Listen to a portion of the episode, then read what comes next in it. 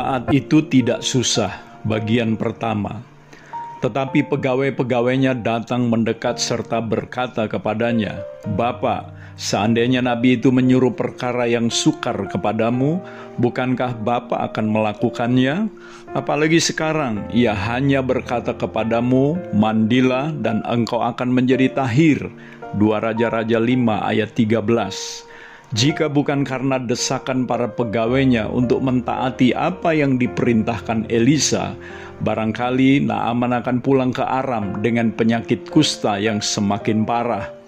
Para pegawainya itu mengingatkan, jika Elisa menyuruh perkara yang sukar sekalipun demi kesembuhannya, pasti Naaman akan melakukannya Nah, apalagi sekarang Elisa hanya meminta dia untuk mandi tujuh kali di sungai Yordan dan akan menjadi tahir.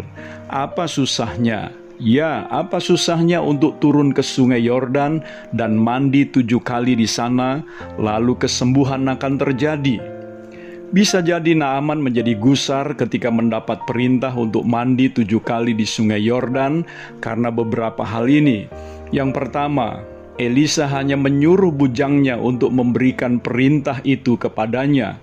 Yang kedua, perintah Elisa agar dirinya beroleh kesembuhan itu terlalu sepele, jauh dari bayangan atau ekspektasinya yang terlanjur berimajinasi bahwa Elisa akan melakukan sesuatu yang spektakuler untuk menyembuhkan dirinya. Yang ketiga, dia menganggap sungai-sungai di Damsik jauh lebih baik dan lebih bersih daripada sungai Yordan.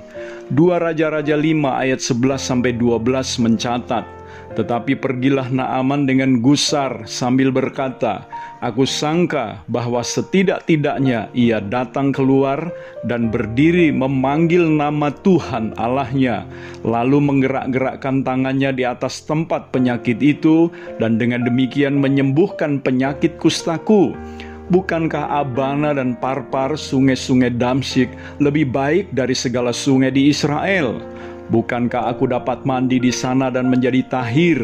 Kemudian berpalinglah ia dan pergi dengan panas hati. Jika saya ringkaskan kegusaran Naaman yang membuat dia hampir saja tidak taat kepada perintah Elisa, itu disebabkan ia merasa tidak dihargai dan merasa memiliki pengetahuan yang lebih baik tentang sesuatu yang berhubungan dengan perintah Elisa. Bagi Naaman, apa yang Elisa perintahkan itu terlalu sepele, jauh di luar pengharapannya.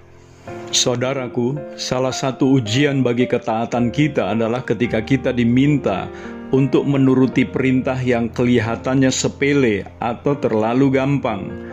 Perintah yang kadang malah mengundang pertanyaan atau bahkan ketidakpercayaan.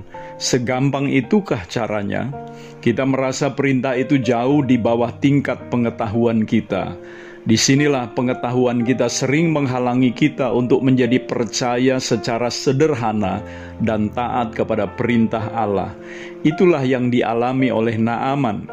Mari kita bandingkan dengan kisah Petrus di dalam Lukas 5 ayat 1 sampai 11 ketika Tuhan memerintahkan dia untuk mendorong perahunya ke tempat yang dalam dan menebarkan jalannya untuk menangkap ikan.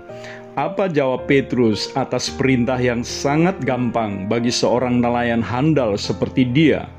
Lukas 5 ayat 5, Simon menjawab, Guru, telah sepanjang malam kami bekerja keras dan kami tidak menangkap apa-apa. Tetapi karena engkau menyuruhnya, aku akan menebarkan jala juga. Perhatikanlah frasa, Guru, telah sepanjang malam kami bekerja keras dan kami tidak menangkap apa-apa. Maksud dari perkataan Petrus itu sebetulnya adalah perintah guru sepertinya kurang tepat. Ini menjelang tengah hari, bukan jam yang cocok untuk menjala ikan. Lagi pula, kalau sepanjang malam saja setelah kami bekerja keras, kami tidak mendapatkan seekor ikan pun, apalagi sekarang siang hari. Petrus merasa memiliki pengetahuan soal menangkap ikan lebih dari Yesus. Untungnya, dalam keraguannya, dia masih memiliki rasa hormat kepada Tuhan, sehingga ia meneruskan, "Tetapi karena Engkau menyuruhnya, aku akan menebarkan jala juga." Ketika dia menaklukkan diri kepada perintah yang sepele itu, maka ia mendapatkan sejumlah besar ikan.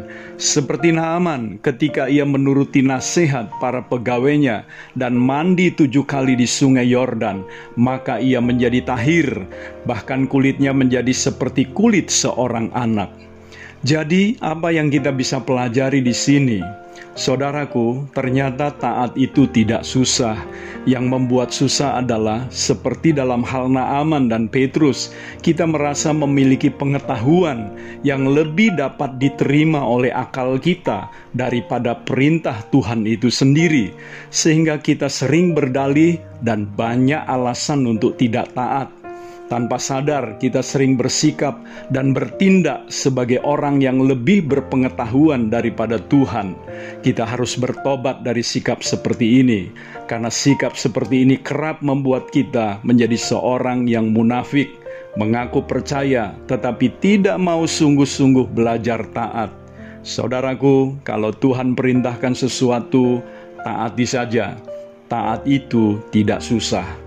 Saya Theo Barahama, Bring Heaven Home, Tuhan Yesus memberkati saudara.